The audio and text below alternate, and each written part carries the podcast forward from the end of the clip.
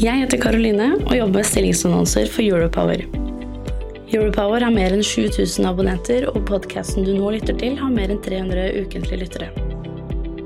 Hvis du er på jakt etter ny jobb, se stilling.europower.no. Ta også gjerne kontakt med meg dersom du ønsker å annonsere ledige IT-stillinger i fornybar energibransje.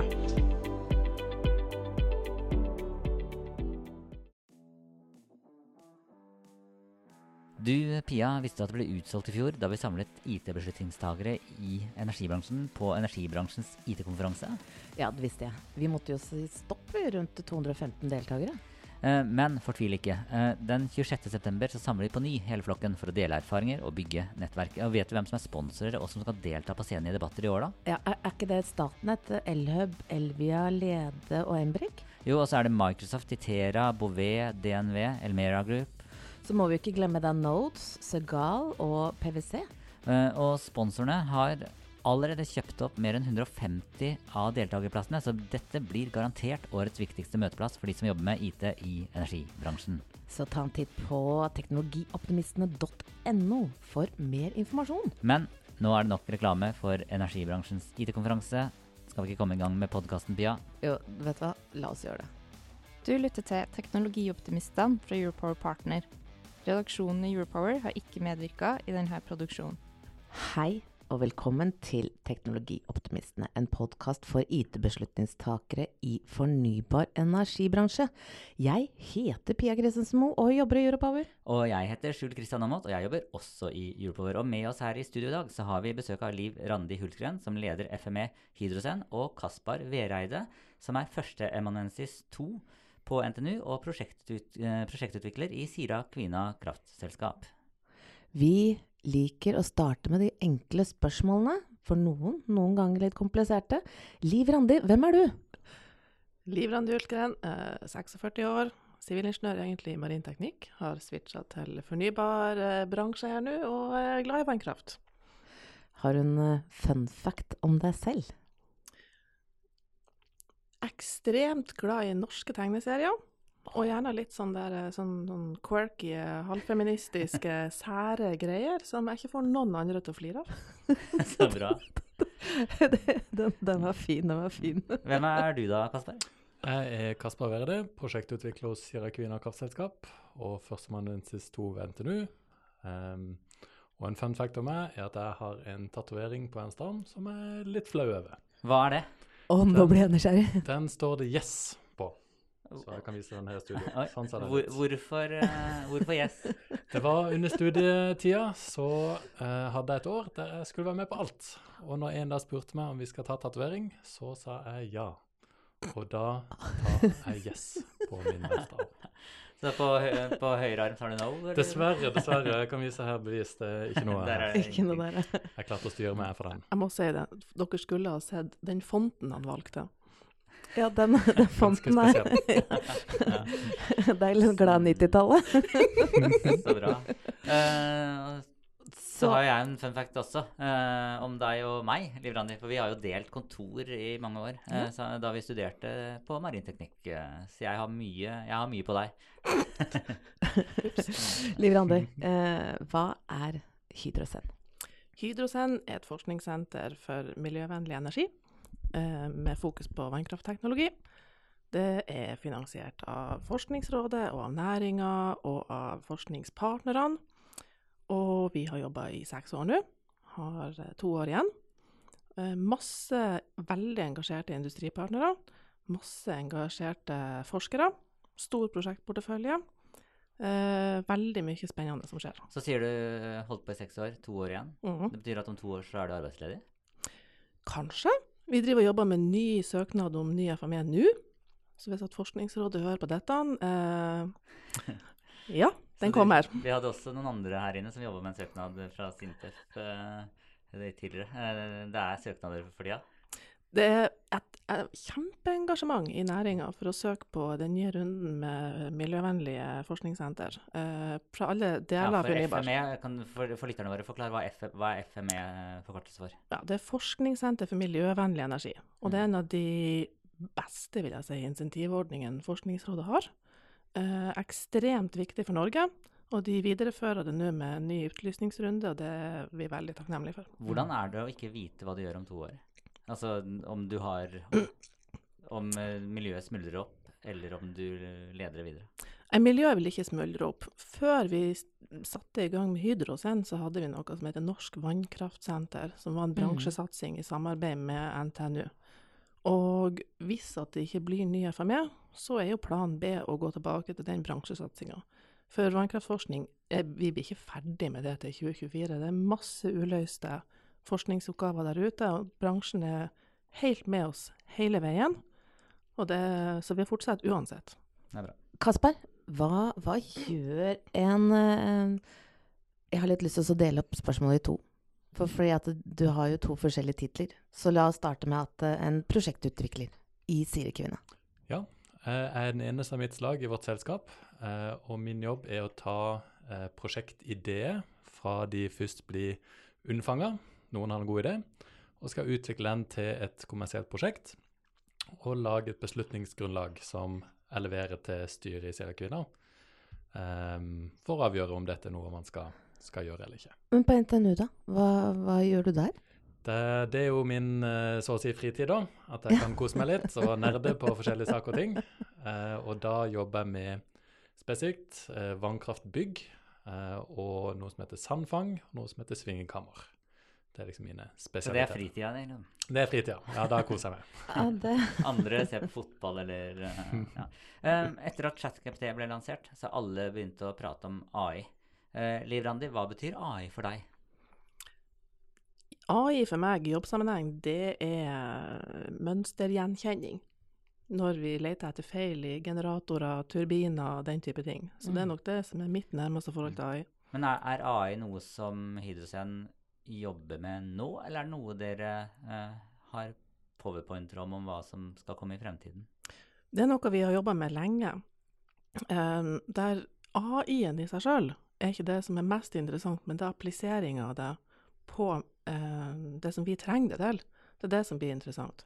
Så vi har prosjekt som har gått i flere år nå med doktorgradsstudium osv., der vi ser på hvordan vi kan kjenne igjen feil i roterende maskineri, og bruke da AI, altså mønstergjenkjenning, for å rope ut når noe er feil. Ja, Og kanskje i forkant òg, sånn prediktivt vedlikehold? Er det ikke det man Ja, det som, vi, det som vi gjør, er at vi har eh, generatorer som vi kan lage feil på i lab.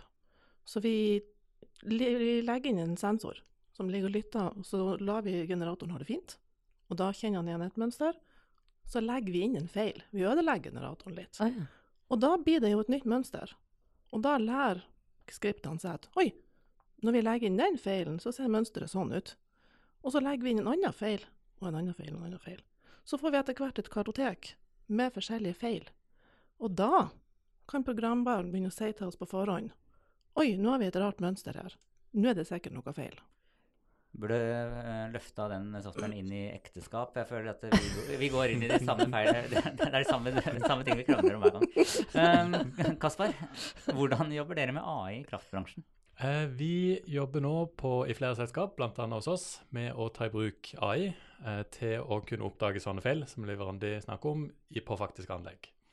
Eh, og at vi da kan forberede vårt eh, vedlikeholdsprogram for å kunne fange opp de feilene tidligere og kunne spare kostnader og tjene mer penger på det. Hvordan er det man måte starter med dette? Altså, man, man eh, går på noen konferanser i utlandet og finner ut at og Hvis vi skrur tida litt tilbake, da. OK, vi må satse på AI. eh, og så Ja, du får ansvar for AI. Eh, ja, nå skal jeg programmere litt AI. Eller eh, jeg, tar- fem, jeg tar fem timer her og jobber litt med AI. Hva, hva er det man gjør da? uh, når man starter? Ja, hos oss så begynte det med en person som hadde den ideen da, vi må bruke AI. Ja, hadde, hadde, han- hadde, Han hadde hadde vært hadde på konferanse. Ja, han hadde vært på konferanse og sa han sånn, vi må bruke AI. Mm. Og så sier sjefen eller lederen eh, ja, ja, det høres fint ut, men, men vi er ikke der ennå. Og, så går det noen runder, er det sånn, eller? Eh, ja, eller han Vi er ganske fremoverlent hos oss, heldigvis. Så han fikk på en måte Ja, det kan vi se nærmere på. Og så lagde jeg en prosjektsøknad eh, om beskrivelse av hvordan han ville gå frem. Og så fikk han lov til å ta første skritt da, og ta oss ut på den veien. Og hva, da, hva var da første skritt på den AI-veien? Eh, da en, for å komme helt til AI, så er det jo et helt rammeverk og en infrastruktur i bunnen du må ha på plass. Sånn som alle disse dataene du må samle inn for å fòre AI.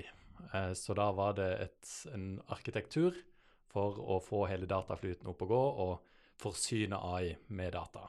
Og, da, og, og arkitektur Da sitter noen i Sirakvina og Puncher? puncher, eh, programmerer og, og finner ut hvor, hvilke datakilder eh, har høy verdi, og hvilke datakilder har ikke høy verdi?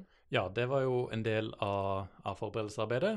Men så har vi et eksternt selskap som hjelper oss med datainnsamling. Og så har vi ett eksternt eh, analyseselskap fra USA, som er de som programmerer AI-en hos oss. da.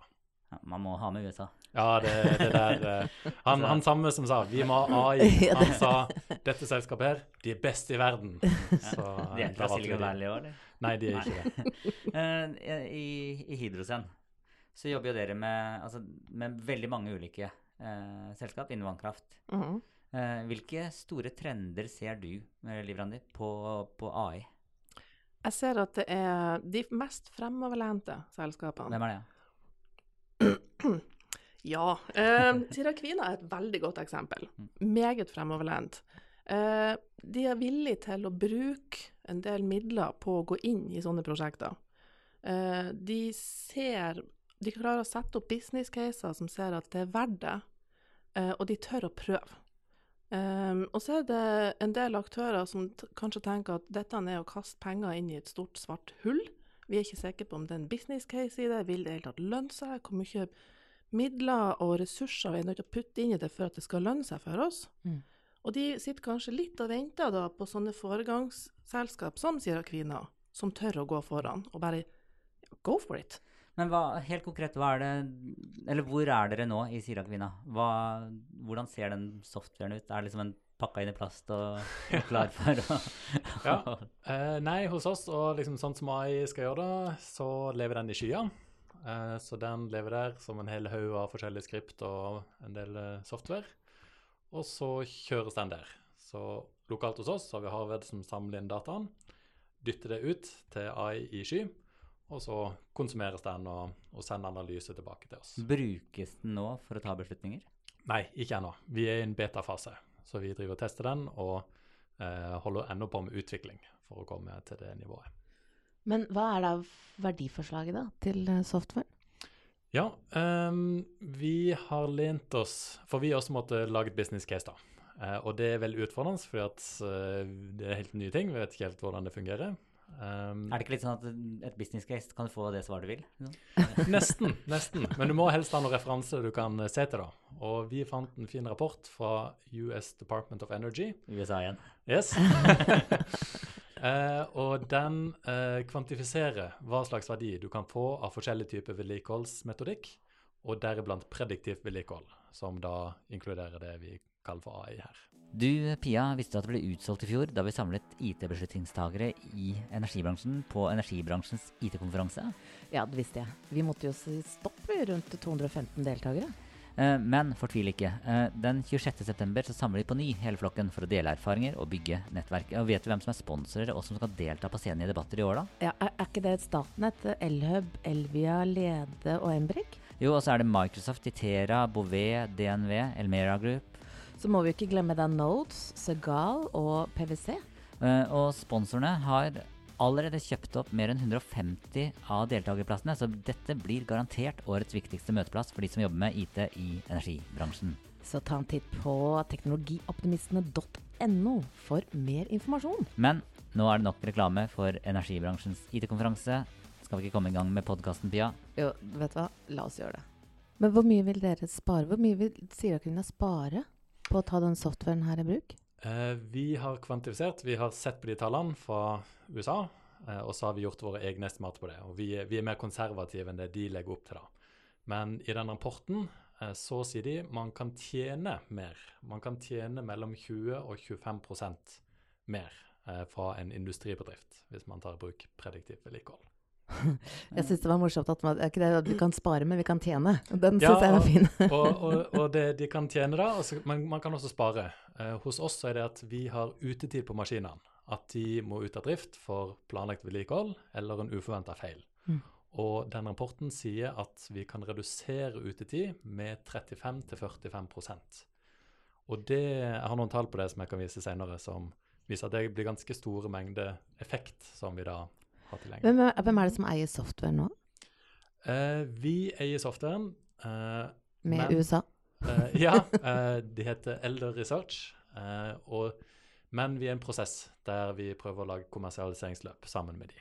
Hvor mye har det kosta å løfte frem softwaren frem til nå? Eh, hele prosjektet vårt eh, når veldig rundt tall, ca. 10 millioner til nå. Og så må jeg bare spørre, hvor mange er det som jobber med denne softwaren nå?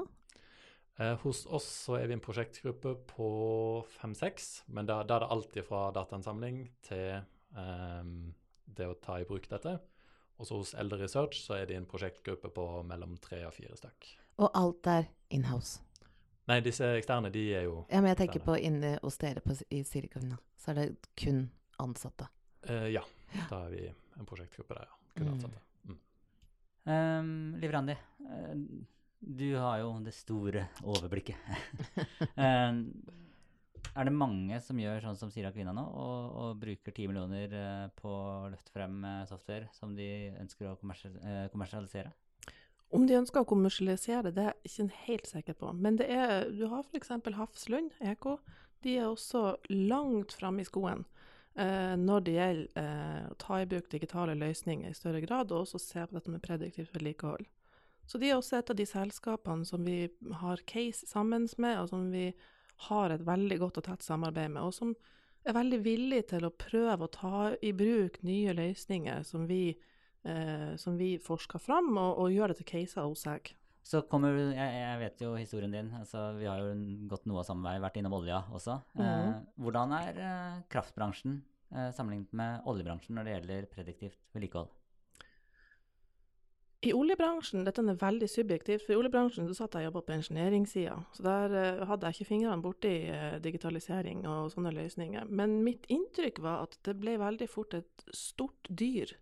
Det var veldig fort uh, eh, digitale tvillinger, og jeg jobba jo for et veldig stort selskap internasjonalt. Amerikansk? Amerikansk. Definitivt. Ja. Ja, men de, de, man blåste det veldig opp, eh, de sånne her utviklingsløpene. Sånn at jeg tror for de som satt og jobba med faktiske subsea-utbygging og sånt, man fikk ikke et forhold til digitaliseringa som skulle gjøres. Man, det ble for voldsomt. Men sånn som her i Norge og innenfor vannkraftbransjen, så, så har hvert Altså hver produsent tar mer initiativ til de løsningene som de trenger sjøl. Og så går man på utviklingsløp for å løse de utfordringene som er internt. Og da er jo veien også til å ta det i bruk mye kortere. For det er, det er drevet av egen motivasjon, det er drevet av eget ønske om å spare eh, kostnader på drift, eh, mer oppetid på anleggene. Så det, du får en egen drive på det. Så det er litt eh, Dere ser på hva man pleier å si What's the job to be done? Og, Ja. og fokusere på det, og, og løse det. Yes, og, og vi har også tenkt at de som best i verden på vedlikehold av vannkraftmaskiner, det er ikke eksterne dataanalysefolk, det er oss sjøl eh, og vannkraftfagpersoner som jobber med dette til daglig. Men så ble jeg hviska i øret her at dere har fått en kunde i USA. Det stemmer. Um, Hvordan fikk dere til det? Dette Elder Research, som vi samarbeider med, eh, de eh, har fått lov til å kommersialisere dette.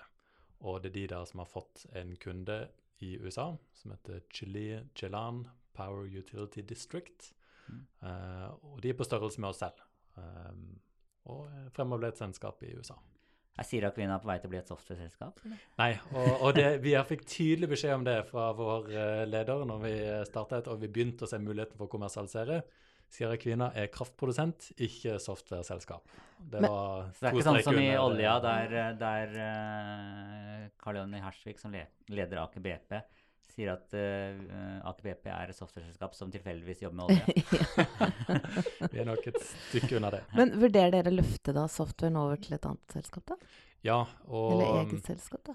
og da vi jobber med en sånn uh, avtale for kommersialisering, og da Mm. kan vi ønsker ikke å ha dette hos oss, at vi skal stå som eier av et kommersialisert uh, selskap. Mm. Det, da blir det. Hvordan skal dere finansiere opp det, da? Blir det å putte penger altså, mm, fra Sirakvina inn, eller går dere ut på å finne venture eller andre eh, investeringsmiljøer som kan eh, eh, fylle opp tanken? Der blir det nok å satse på venture, ja. Og så ganske organisk vekst i starten. At vi, vi satser på få kunder som klarer å finansiere dette sammen. Men jeg, jeg, jeg har en fot innenfor Jeg har mitt eget investeringsselskap som investerer i software. eh, og, eh, og som også eier en del av Europower. Eh, så jeg har en fot inne i den verden. Eh, og det, det jeg vet at ventureselskapene typisk ser på når de eh, skal putte penger på noen, det er ledelsen og teamet. Mhm. Eh, at de jobber godt sammen, og at de har det som skal til for å løfte det eh, internasjonalt. Da. Eh, her er det litt sånn Eller hvordan er led... Altså det, I og med at det ikke er et selskap ennå, Mm. eh, og at det er litt sånn delte stillinger osv., hvordan vil du beskrive ledelsen i dette selskapet? For det er jo ikke noe ledelse Eh, stemmer. Eh, Kommersialiseringa foregår hos Elder Research. Ja. Så det er de som har en ansvarlig for dette produktet. Så de, de har en produkteier og et eh, team som, eh, som skal ta dette ut på markedet. Og de har tidligere erfaring med å kommersialisere andre typer software som de har utvikla. Eh, hvor lang runway trenger dere før dere er cash-positive? Altså eh, hvis dere får penger inn, Mm. eh, x antall millioner inn, når tror du at dette nye, denne babyen din, da, lever med positiv begynnelse? Det vil ta noen år, men vi kan dele i to. Det er dette softwaren i seg sjøl, om den blir lønnsom, og så er det om Sirakvina tjener penger på det eller ikke. Det å bruke softwaren. Og da, og da kommer vi inn på egentlig et av de spørsmålene som jeg mener er det, mest, det viktigste med tanke på å lykkes med software. For uh, målet til Sirakvina vil jo tydeligvis være å skape den softwaren som løser Sirakvina sine utfordringer. Mm. Ikke sant? Uh, målet til et ventureselskap vil være å maksimere verdien av investeringen. Ja. Uh, og her er det jo typisk to utfordringer. Eller det er jo utfordringen med å aligне Sirakvina sitt målbilde med ventureselskapet. Mm.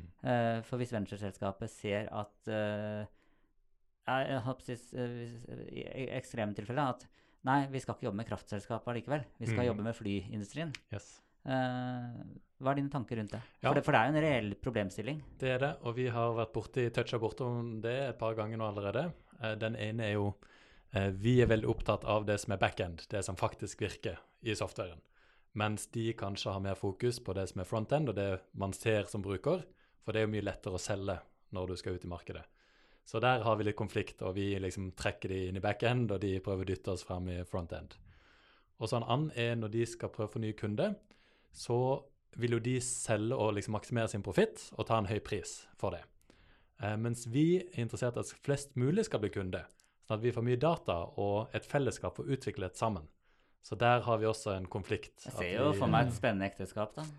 Ja, vi, vi har mange interessante diskusjoner i det ekteskapet her. Eh, det kreves mye å lykkes internasjonalt med software. Eh, jeg jobba jo i et selskap med, som var spin-off eh, spin-off fra Sintef.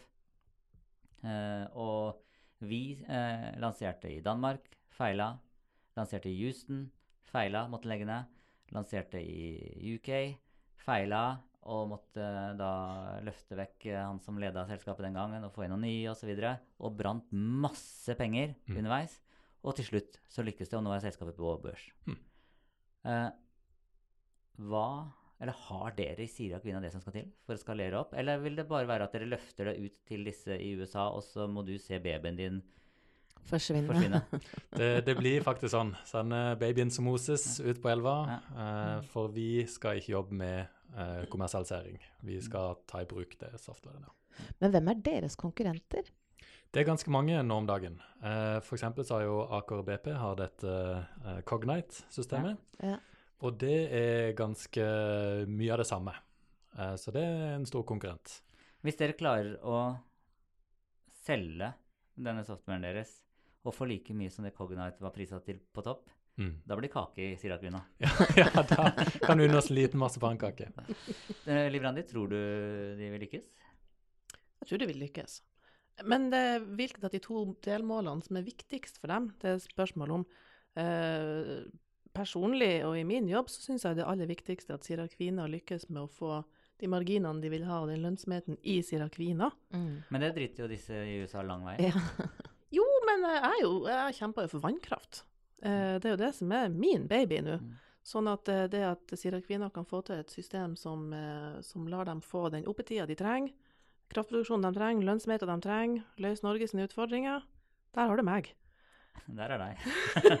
du er liksom sånn som skal redde verden og Ja, der har du meg, vet du. Hvor stor er pipelinen på potensielle kunder nå? Altså Dere har dere selv, og så har dere en kunde i USA.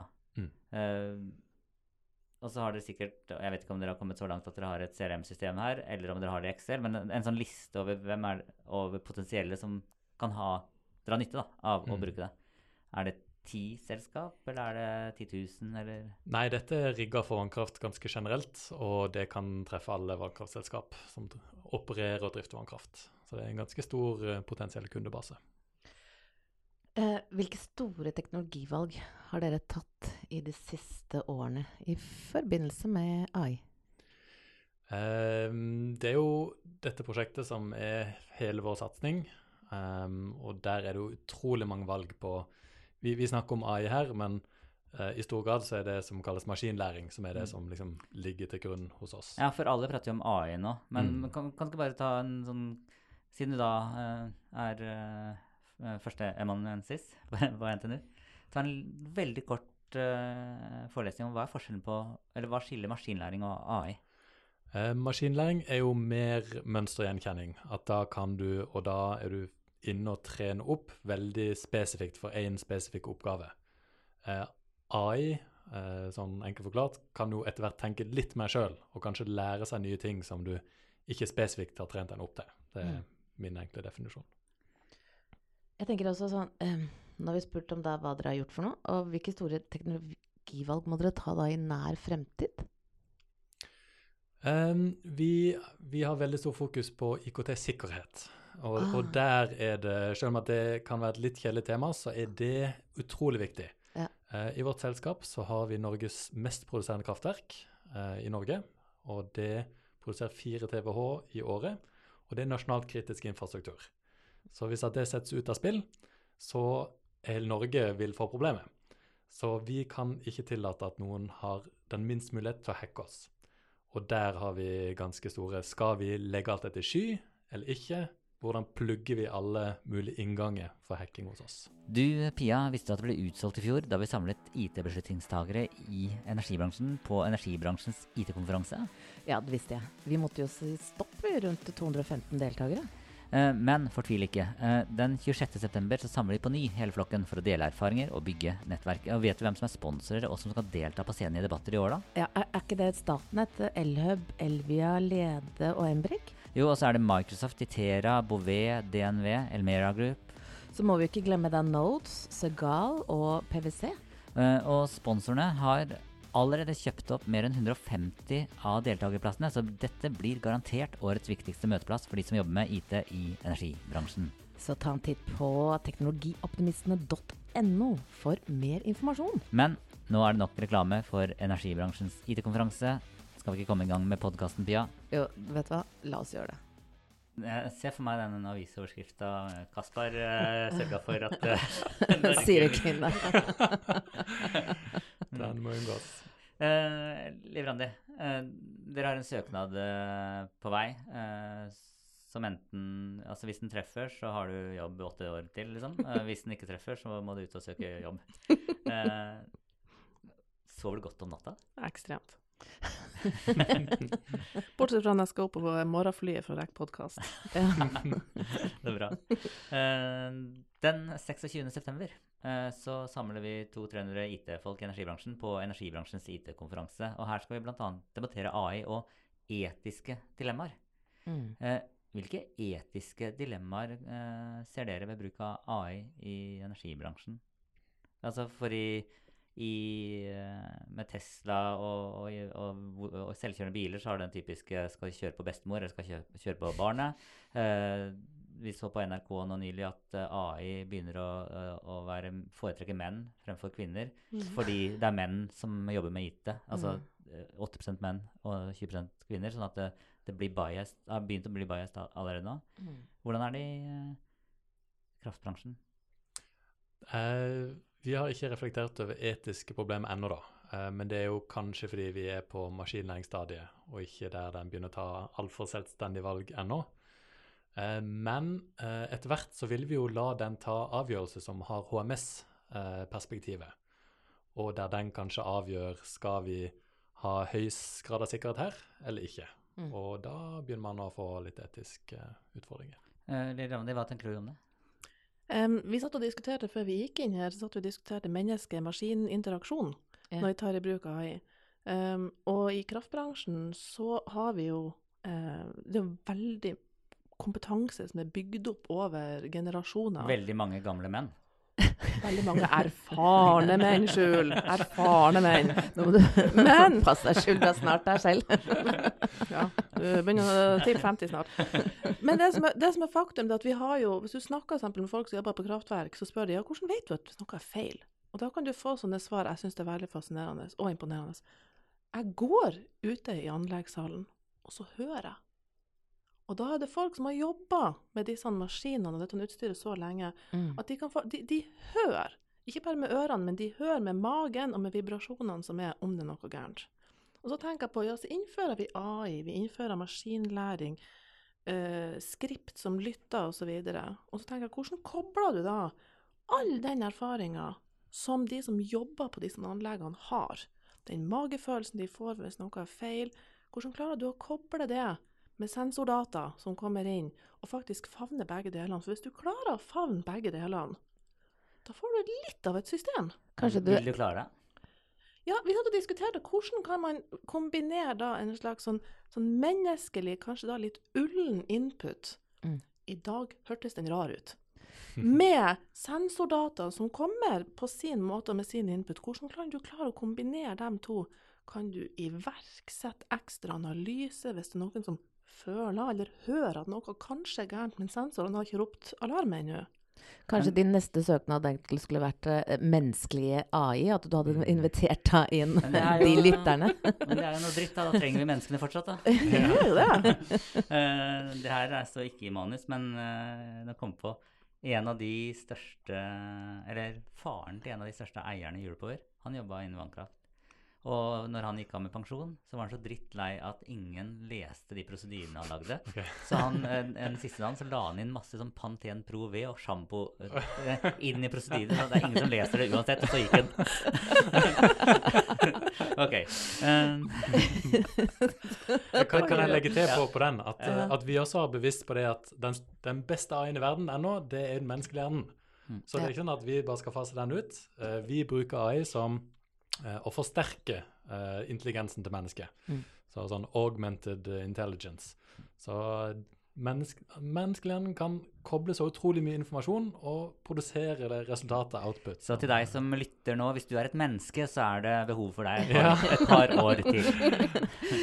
Før vi avslutter, så har vi et standardspørsmål som vi stiller til alle som deltar i denne podkasten. Min første datamaskin, det var en Amiga 500. Og min første datamaskin var en High Note Ultra. Hva var din første datamaskin, Liv Randi? Ingen anelse, men jeg tror han var blå. Den var blå. Og Kasper, Kaspar, hvilken farge?